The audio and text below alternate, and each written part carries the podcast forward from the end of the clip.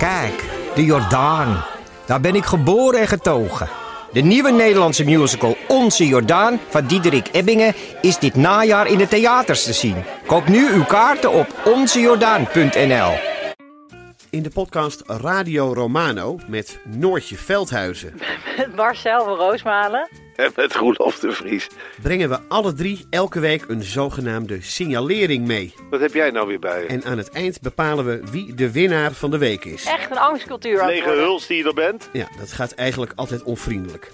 Luister nu naar Radio Romano bij Podimo. Via podimo.nl slash Radio Romano luister je 30 dagen gratis. Dit is Man met de microfoon. Met echte en bijna echte verhalen uit een stadswijk. En ik ben Chris Baayema. Ik wou twee dingen worden. Dat was of regisseur bij de politie, of ik wilde een ijzerwinkel beginnen. Ik heb echt 15 jaar bijna thuis gezeten. In huis. Ja, God heeft de aarde in zeven dagen gemaakt. Hè? En toen zei zij van nee, dat klopt niet. Toen dacht ik, ah, het was in zes dagen namelijk. Ik ben een ja-mannetje. Want ik, bij nee vermoed ik een confrontatie. Soms moet je alles opgeven, wil je iets moois van maken. Welkom bij aflevering 11 van Man met de microfoon. En ja, jullie weten het, ik rij met mijn rare oranje bus door de wijk op zoek naar verhalen. En elke maand presenteer ik een programma aan de hand van één thema. We gaan zo beginnen, maar eerst heb ik ruimte voor mijn sponsor, de Koffiecompagnie.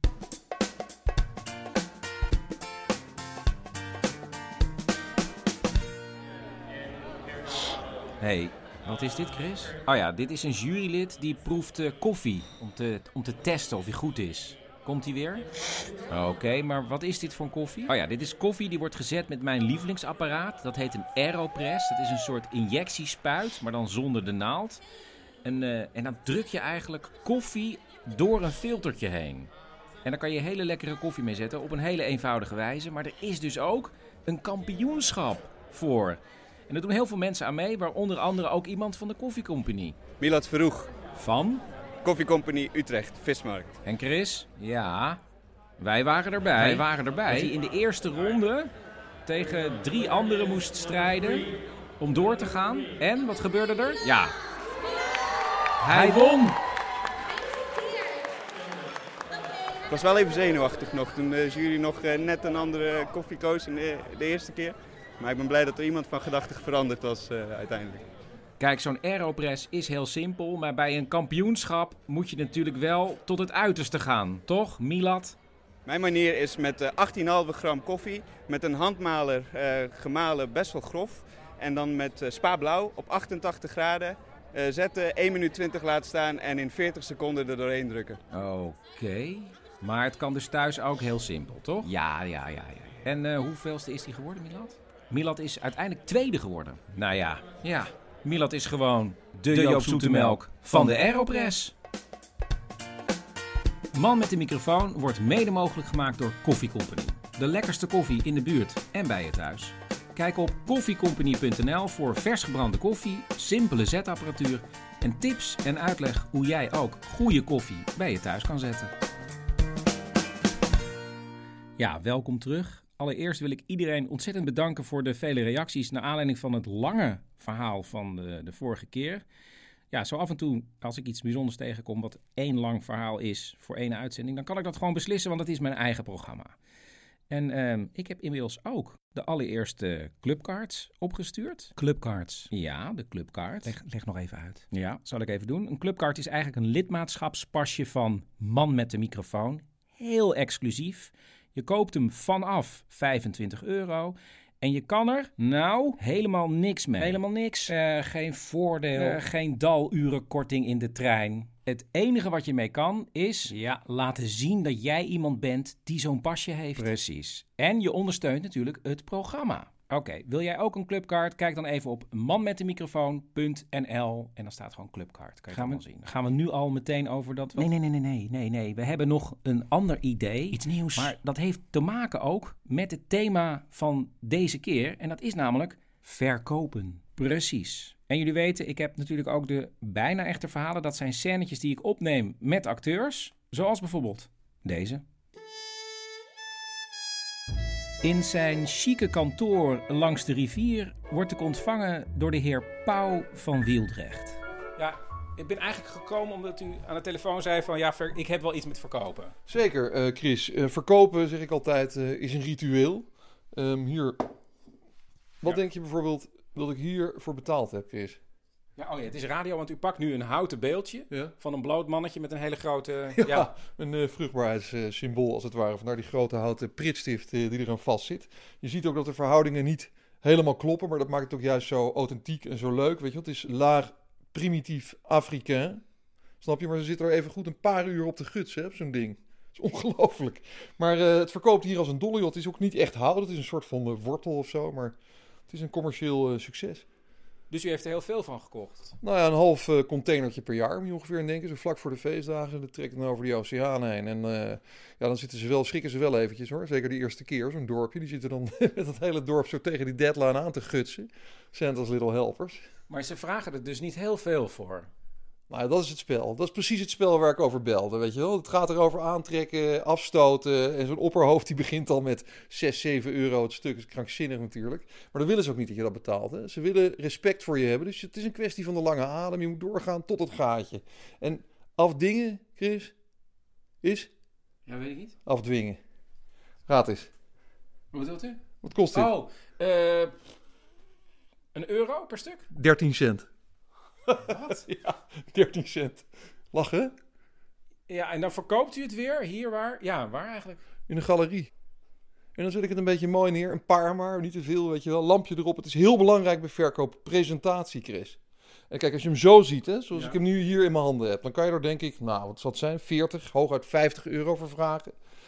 Maar ik doe het dan natuurlijk leuk in een mooi kartonnen doosje... met een leuk Afrikaans logootje. Ik doe er een kaartje bij... waar een een of ander verhaal op staat... over Afrikaanse vruchtbaarheidssymboliek.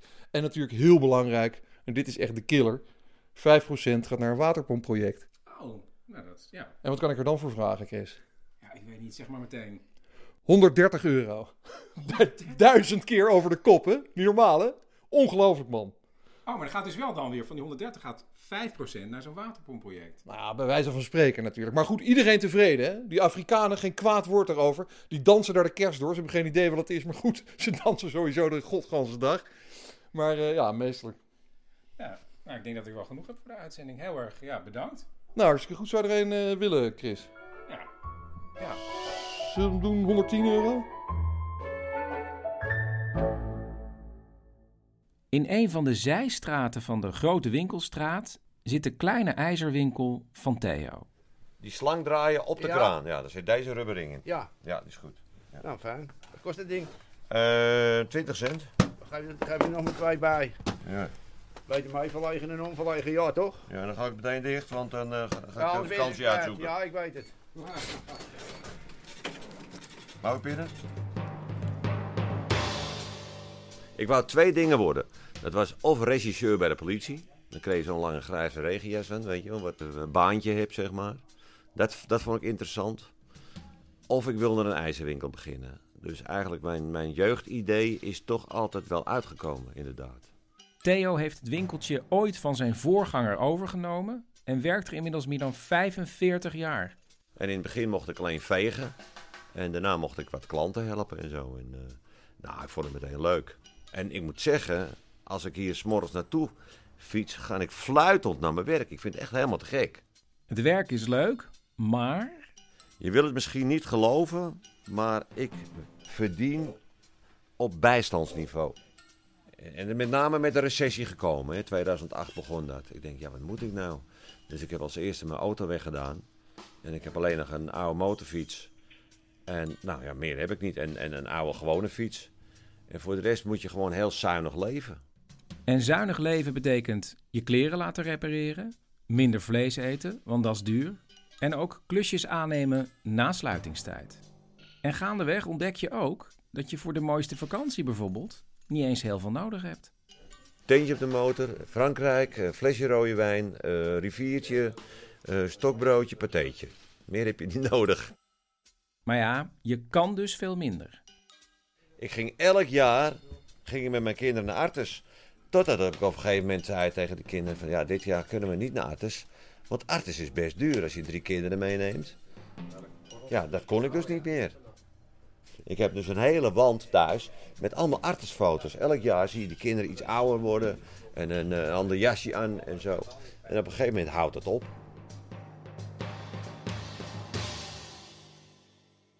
Ik had ook de boel eh, kunnen laten ploffen en mijn hand op kunnen houden.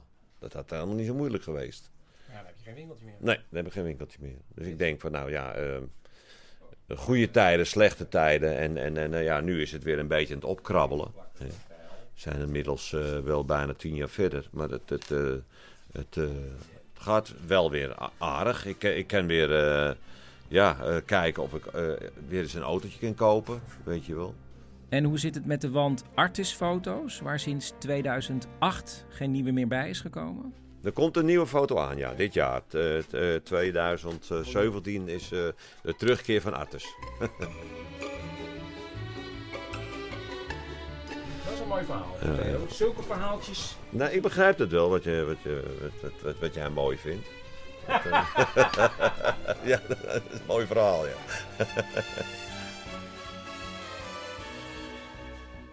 echt een leuke, leuke baan, ja. ja. Maar ik wil toch wel een keertje een beetje ermee uitscheiden in de toekomst. Want ik wil heel graag op de Schelling wonen. En daar ga ik een keertje naartoe.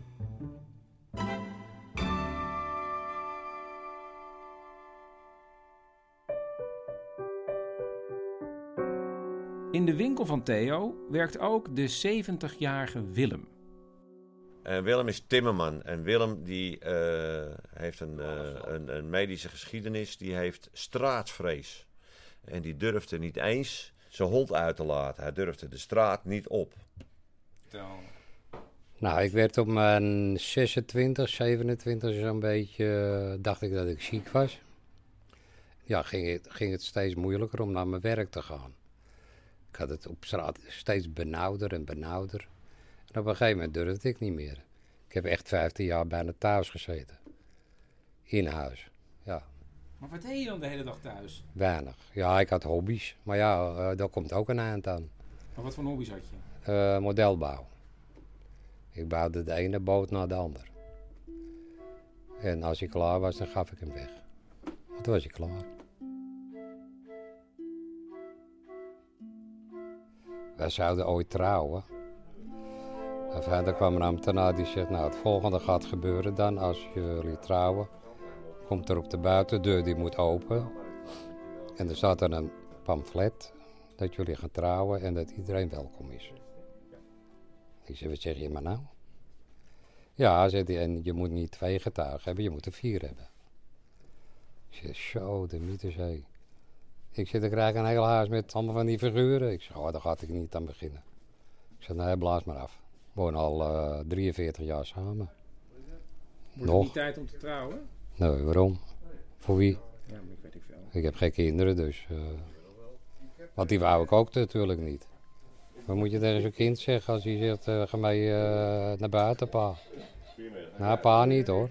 Ga maar met ma mee. kan toch niet? Maar het is wel heel verdrietig op zich. Ja, natuurlijk is dat vervelend. Ja. Maar ja, dat is het bij elkaar altijd al geweest. Wat gebeurt er eigenlijk bij zo'n paniekaanval? Ontzettend misselijk. Mijn strot wordt ingeknepen. Nou, dan en dreig ik mijn tong in te slikken. Dat soort herrie. Oh man. Nee, dat, dat is geen lolletje geweest. Na jaren binnenzitten wordt Willem min of meer gedwongen toch naar buiten te gaan. Nou, mijn vrouw kwam thuis met een hond. Zo, zei ze, dat is voor jou. Dan kun je een beetje de straat op. Nou ja, dat dacht ze dan. Nou, we kwamen allebei niet zo ver hoor. op een gegeven moment zei ze, heeft die, heeft die hond ook een straatfobie? Nu werkt zijn vrouw net om de hoek in een kantoorboekwinkeltje. Dus eh, daar gingen we dan wel naartoe. Toekje om en dan gaan we naar binnen. Bakje koffie drinken en weer terug naar huis. Er verandert pas echt iets als zijn huisarts hem antidepressiva geeft. Na een hele slechte eerste week voelt hij zich beter, pakt de fiets en rijdt een stukje de stad in. Nou ja, ik heb me stom lopen verbazen hier ook. Want ik, later ging ik nog meer stukken en dan kwam je bij de ring. Ja, die kon ik alleen als een dijk. En ik stond te kijken, ik denk, verrek, dat lijkt helemaal niet op wat ik heb in mijn hoofd. En dan, op een dag, besluit hij naar de andere kant van de stad te gaan... om na 20 jaar weer op bezoek te gaan bij zijn moeder. Ging ik op, op de fiets naartoe. En eh, even, even een klein beetje paniek toen ik er was. Ik dacht, zal ik nou maar omdraaien naar huis gaan? Toch aangebeld. Nou, die schrik ze te pletten natuurlijk. Dus eh, ja, helemaal in tranen. Maar ja, mijn moeder was nogal veel ijzerd. Die dacht dat je dan ook meteen elke dag kwam. Ik ja, dat zit er niet in. Ik moet me wel goed voelen. Weet je wel? Met behulp van zijn medicijnen heeft Willem het inmiddels redelijk onder controle.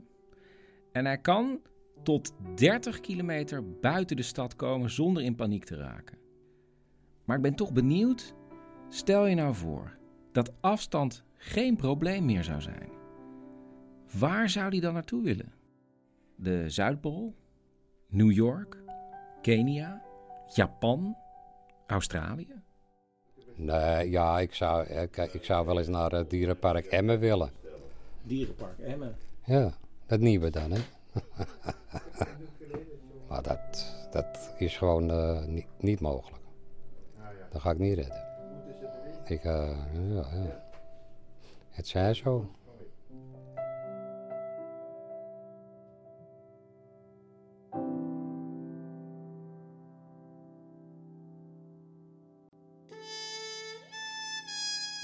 In de nieuwbouwwijk aan de andere kant van de brug wordt de man zojuist opgebeld door zijn moeder. Ja, mam, wat is er? Nou, lieverd, je doet net alsof ik de hele dag bel. Ja, ja, nee, terwijl je dat misschien maar drie keer per dag doet. Nou, nee, luister, lieverd. Ik heb nu iets. Het is ongelooflijk. Vertel. Plastic bakjes. Plastic bakjes? Ja, ja, maar niet zomaar plastic bakjes. Nee, maar het zijn bakjes met een vacuüm druksluitsysteem.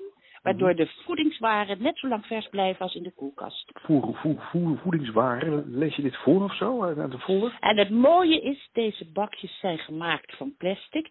Dat gerecycled is uit de plastic soep in de, eh, even kijken, de, de Sargassozee. Dus je helpt niet alleen jezelf ermee, maar je maakt de wereld ook een mooiere plek voor de kinderen en zo. Mam, wat is dit? Je moet het dus eigenlijk als een kans zien. Een kans om plastic bakjes te krijgen. Nou, niet krijgen, je, je moet ze aanschaffen. Want ik heb ze natuurlijk ook eh, moeten inkopen. En eh, ik kan best voor jou een speciale prijs afspreken, want je bent mijn zoon, hè. Maar ik moet natuurlijk wel uit de kosten kunnen komen. Is dit Tupperware? Heeft iemand je erin geluisterd? Mevrouw de Vries, heeft die bakjes aan je opgedrongen? Nee, lieverd. Ik zou nooit meedoen aan een Tupperware party. Nooit, piemaal. Nee, nee, mevrouw de Vries die eh, heeft een schoonzoon. En die zit in het milieu en die had die bakjes. En als nou iedereen in de flat een aantal van die bakjes zou kunnen afnemen... Hoeveel van die bakjes heb jij gekocht? Dat doet er niet toe. Hoeveel? Hoeveel precies? Want het gaat, eh, het gaat om de aarde. Die willen we doorgeven. Mam, hoeveel? Hoeveel van die plastic bakjes heb jij? Nou, ik dacht, als, als jij er nou 30 van bekoopt... Hè, en ik stuur er ook nog zo'n 30 naar Elsbeth... Dan, dan heb ik weer genoeg ruimte in de garderobekast en de strijkbank kan er ook weer. Je hebt mijn Giro-nummer toch? Of, of moet dat nu met eh, IBAN tegenwoordig? Als het makkelijker is, eh, ik accepteer ook cash.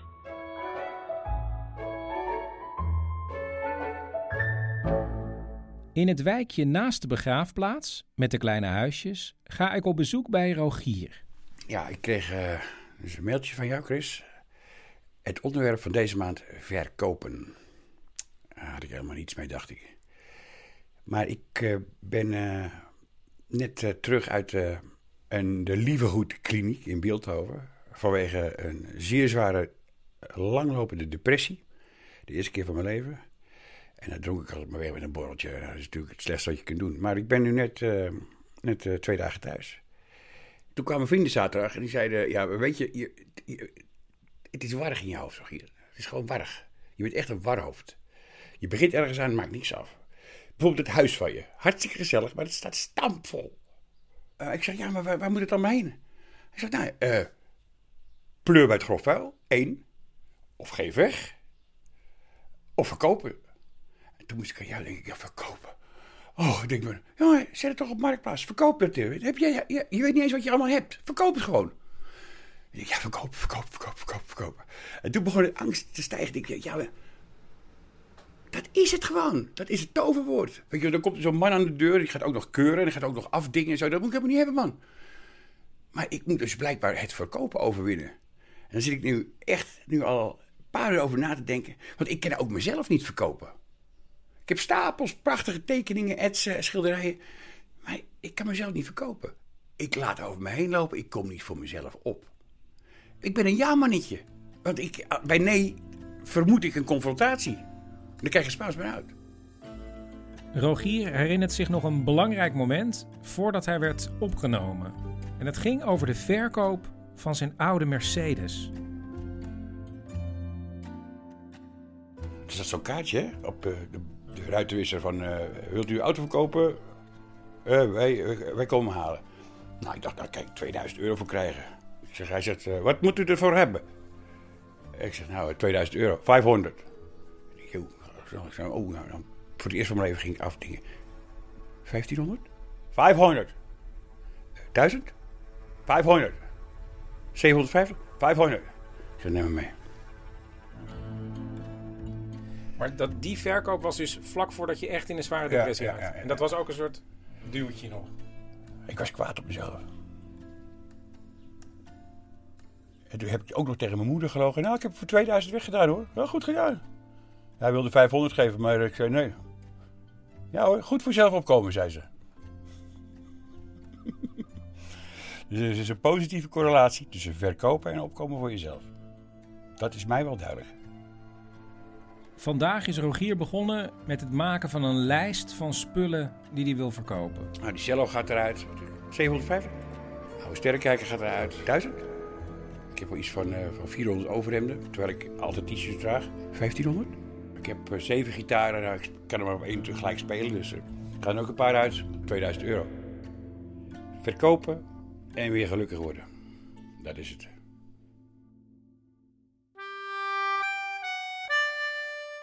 Chris, ja, we zouden toch naast de clubkaart iets nieuws presenteren? Ja, ja, maar we hebben eerst een reclame. Oh ja, eerst een reclame en dan kom ik weer terug.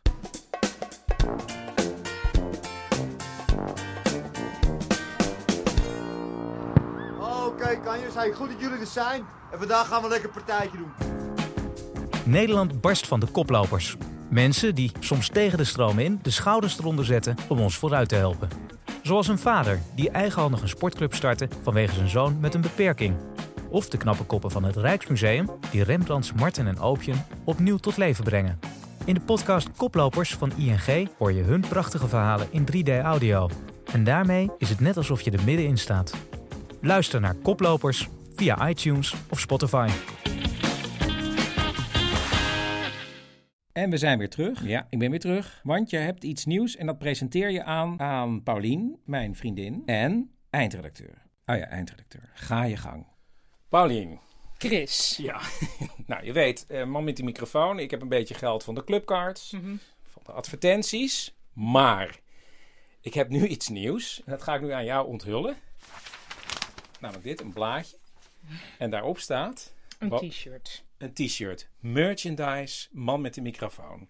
Op de voorkant van het t-shirt een oranje bus. En dan heel klein op de achterkant, weet je wel, zo bij je nek. Hmm. Het logo van man met de microfoon. Kwaliteitsmerchandise. Mhm. Ja. Nou, leuk, Chris. Het was natuurlijk het wachten hierop eigenlijk. Hè? Want elk project dat jij doet, vroeg of laat, kom jij op de proppen met het idee van een t-shirt. Altijd goed, een t-shirt. Dit is ook altijd weer een nieuw idee voor jou. Ehm, ja, we hebben nog heel veel eh, grote bruine envelop t-shirts. Hè? Ja, van een ander project van mij. Ja. Ja. hoeveel zijn er daarvan verkocht ongeveer? Twee. Twee. En we hebben nog heel veel Lions. Ook weer een ander project. Lions t-shirts, waar we altijd in slapen. Er, had ik er zes van verkocht. Zes. Oké, ik het ziet er wel leuk uit. Ik denk dat mensen wel willen... eh, gewoon een t-shirt met een mooie oranje bus erop. Dat mensen dat willen. Maar dus, Kindermaatjes. Oh. Ja, nee. Zie Ja. je, je gaat nu meedenken ja, ook. rompertjes. Hey, nou, Hey. maar we beginnen met een t-shirt. Gewoon een t-shirt. Dus jij zegt nu als eindredacteur. Als eindredacteur belangrijk? zeg ik, ga het proberen. Bestel er niet in één keer meteen 50.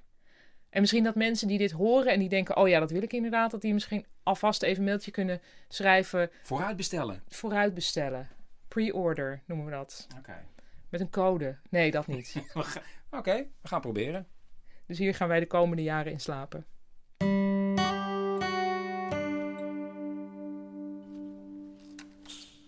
In de fietsenwerkplaats onder het grote station werkt Maurits. Je hoort hem hier sleutel aan een fiets. En Maurits is ooit opgeleid tot autoverkoper.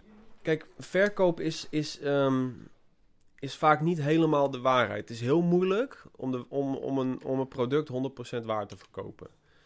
En deze opgeleide verkoper begaf zich op een gegeven moment op de huwelijksmarkt.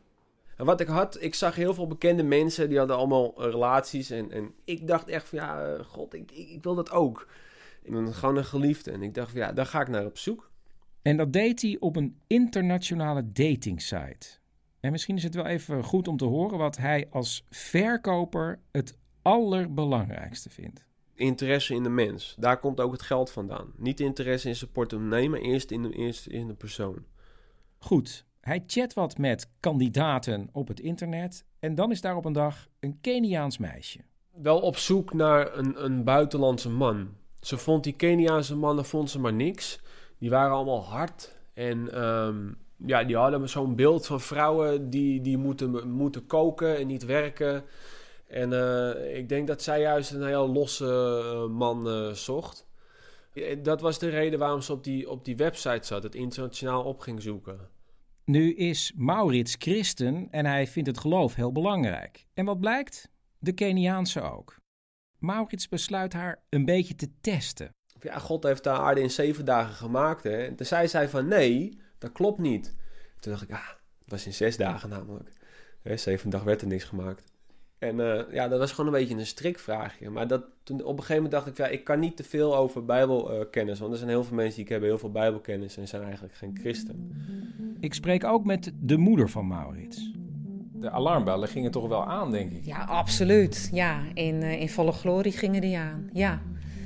Ik dacht, hoe kom je, er, hoe kom je nou daaraan en daarbij?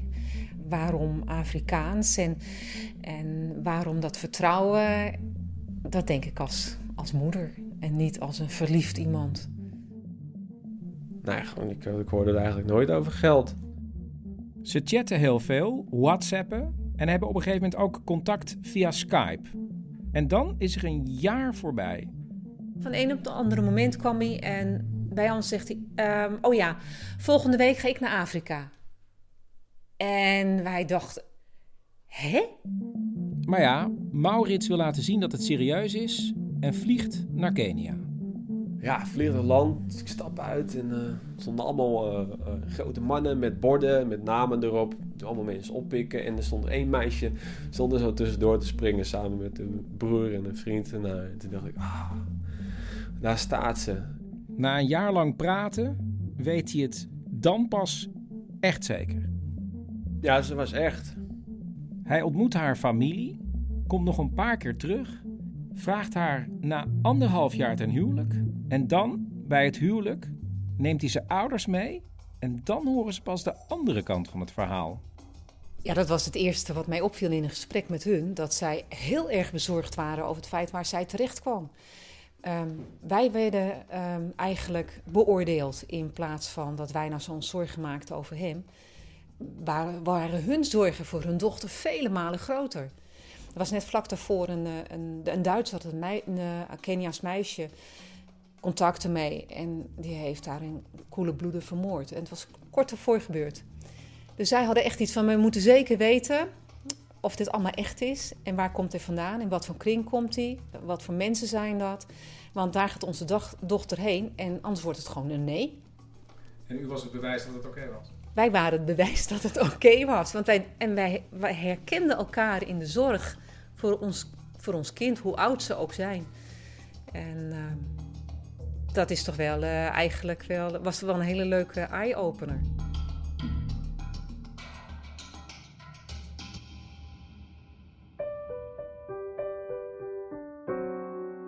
Onder het station zit niet alleen een fietsenwerkplaats, maar ook een rijwielstalling. En daar werkt Roy, die vroeger op de markt stond bij het stadhuis. Dan deden we altijd eh, alsof we met z'n twee... eh, je moet een zin beginnen natuurlijk, hè? Oh. Wacht even, nog niet opnemen. Hoe, bedoel je, hoe, hoe beginnen we dan? dit is het begin, dit is het begin. Ja, je wilde weten hoe- wat ik verkocht. Nou, vroeger verkochten we vesten uit Nepal. En dan had je van die Marokkaanse vesten, weet je, met die Marokkaanse vlag of Amerikaanse vlag. Maar dan hadden we een kraam in tweeën verdeeld. En dan stond zij eh, in het vestengedeelte en ik bij de t-shirtjes. Zij. Wie was zij? Dat was mijn grappie, mijn vriendin. eh, mijn, ja, mijn grappie vriendin, weet je. Dus niet je vriendin, maar een grappie als vriendin. En eh, dan deden we altijd dat we zagrijnig waren. En dan, die vesten kochten we in voor 25 guldens in die tijd. En die konden we verkopen voor 75 guldens. Dus alles wat ertussen zat, dat was winst. Dus dan deden we altijd... Dan deed zij dat ze wilde stappen s'avonds. En ik moest dan weer geld aan geven.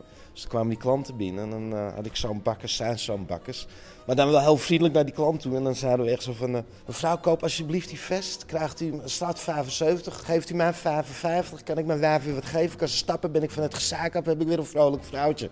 En zo deden we dat dan. En dan verkochten we, als we een 1000 euro verkochten, of guldens, dan was het ping. En dan belden we de baas op. Dan moest de baas weer een stukje stuf voor ons halen, want dan konden we weer blowen.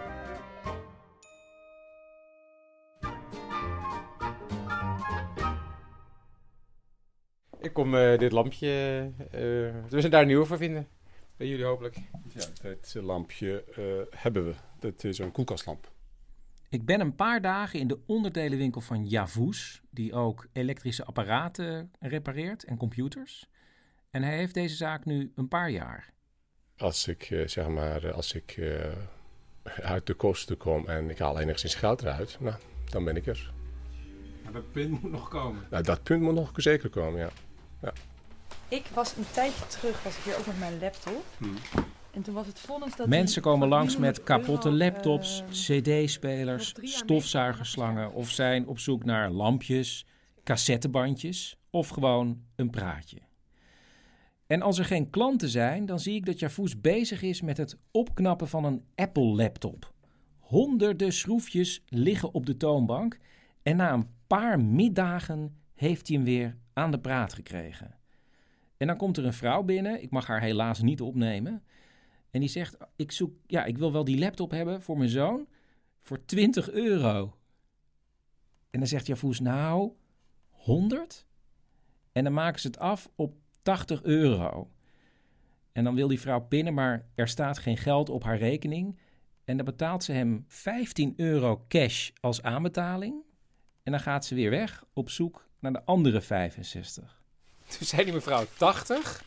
En toen zei je dat is goed. Nou, ik, ik ken die mevrouw. En in dat geval geld is min- minder belangrijk. In dit geval. Echt niet. Dus ik kan hem ook gratis geven, want ik, ik heb alleen maar arbeid ingestopt, verder niks. Nee, mag ik het ook opnemen, wat u zoekt? Je mag het. Oké. Geluid. Ja. Ja. Radioopname. Ja, oké. Gaat het op de radio? Ja. Zo, zo. Ja, ja. eh. Nou, zeg je naam meteen. Nou, ik wil, ik wil anoniem blijven. Ik wil Word je beroemd. Maar u komt binnen met een... een oplader voor batterijen.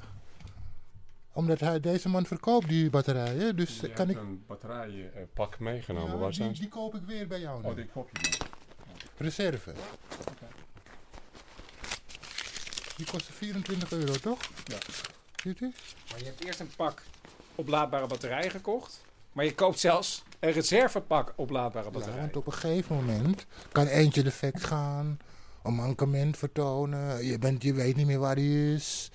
Snap je? Terwijl Ik ik... vind het eigenlijk overbodig. Je hebt al zes stuks meegenomen. Ja, maar die heb ik toch nodig, je weet nooit. Ja, maar ik heb het altijd hier hangen. Maar ze, ze, is na duizend keer doen ze het niet meer. Dat, je, maar dat, dat duizend keer is, komt overeen met tien jaar bijna. Ja, oké, maar ik wil, ik wil naar twintig jaar zo. Dan komt het over twintig jaar terug. Ja. Nee, ik wil ik koop ze, ik koop ze, ja. Je hebt zes stuks Ja, meegenomen. dat is niet erg. Die moet je bezitten. Oké, ik neem ze. Ik koop ze, bedoel ik. Want je kan ze niet gratis krijgen. Snap je wat ik bedoel? Ja, exact. Alsjeblieft. Dat is een strijd die je al gewonnen moest hebben.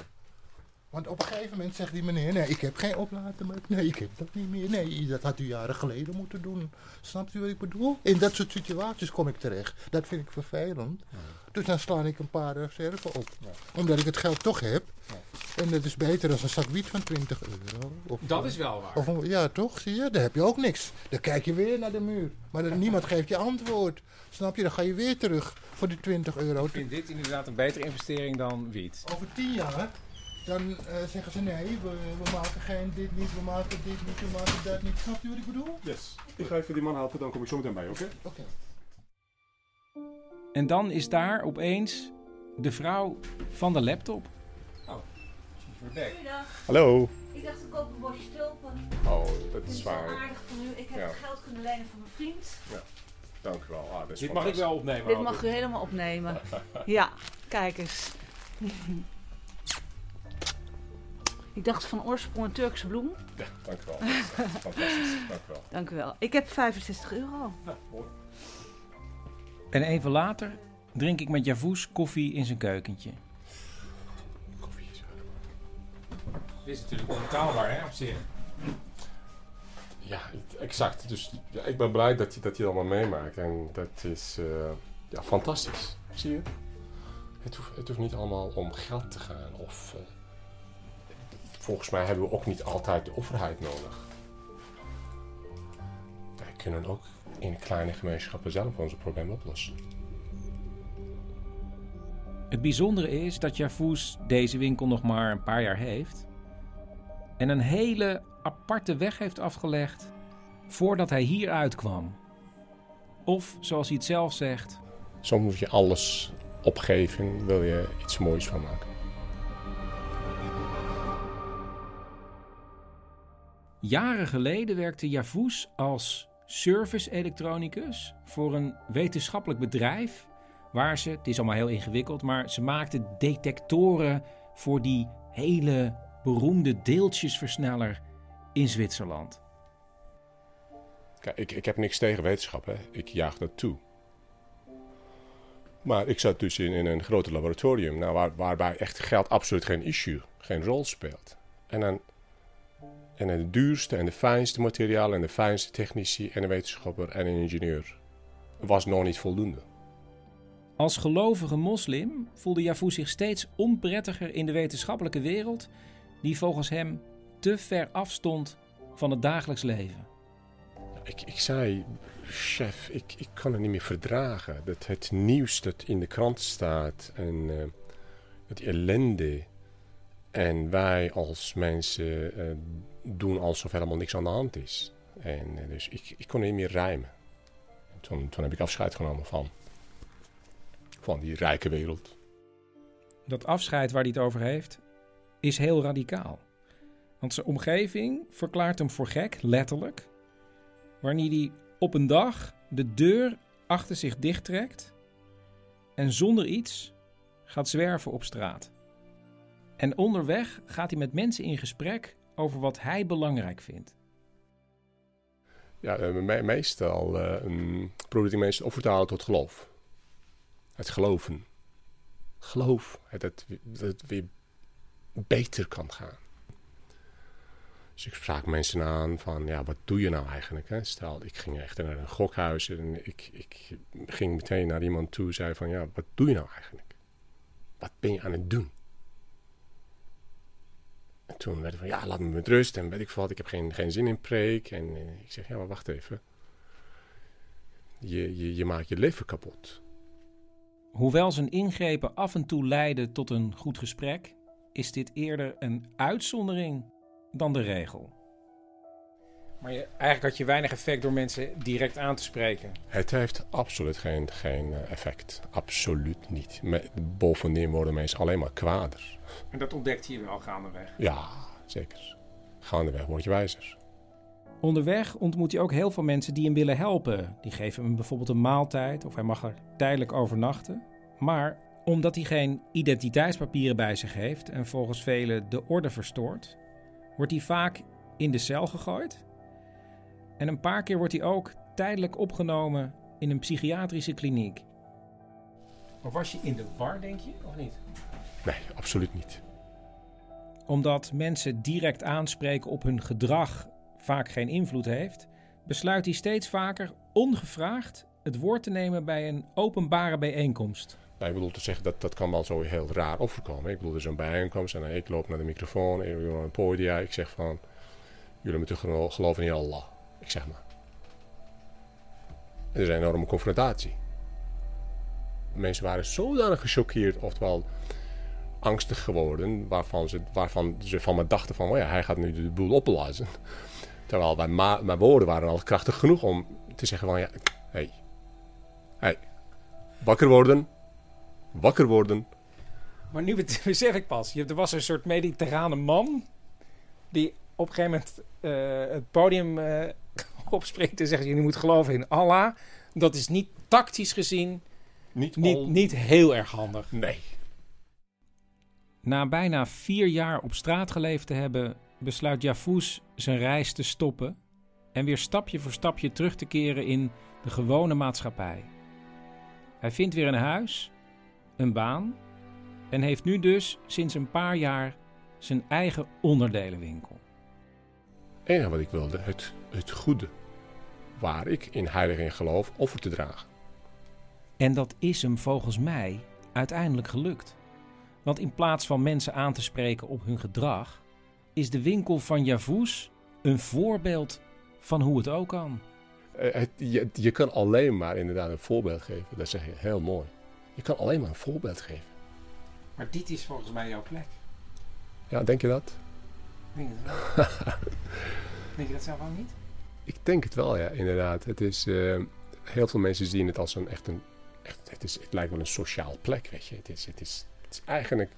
Het wellicht aan een shop, maar ik probeer meer, meer mezelf dienstbaar op te stellen dan echt een eh, handelaar eh, te spelen. En soms je, je daad wordt gewaardeerd en krijg je een bosje bloemen. In plaats van geld. is ook leuk.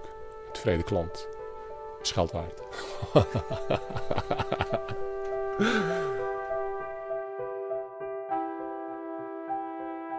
Klanten die Javoes inmiddels een beetje kennen, ondersteunen hem.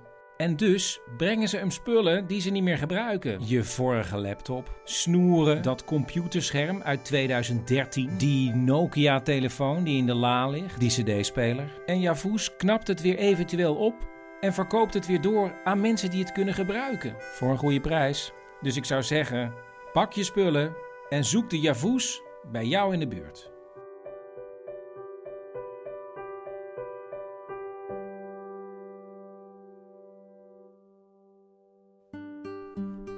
Dit was aflevering 11 van Man met de microfoon. Meegewerkt hebben dit keer Paulien Cornelissen, Diederik Ebbingen, Cecile Heuyer en Leopold Witte.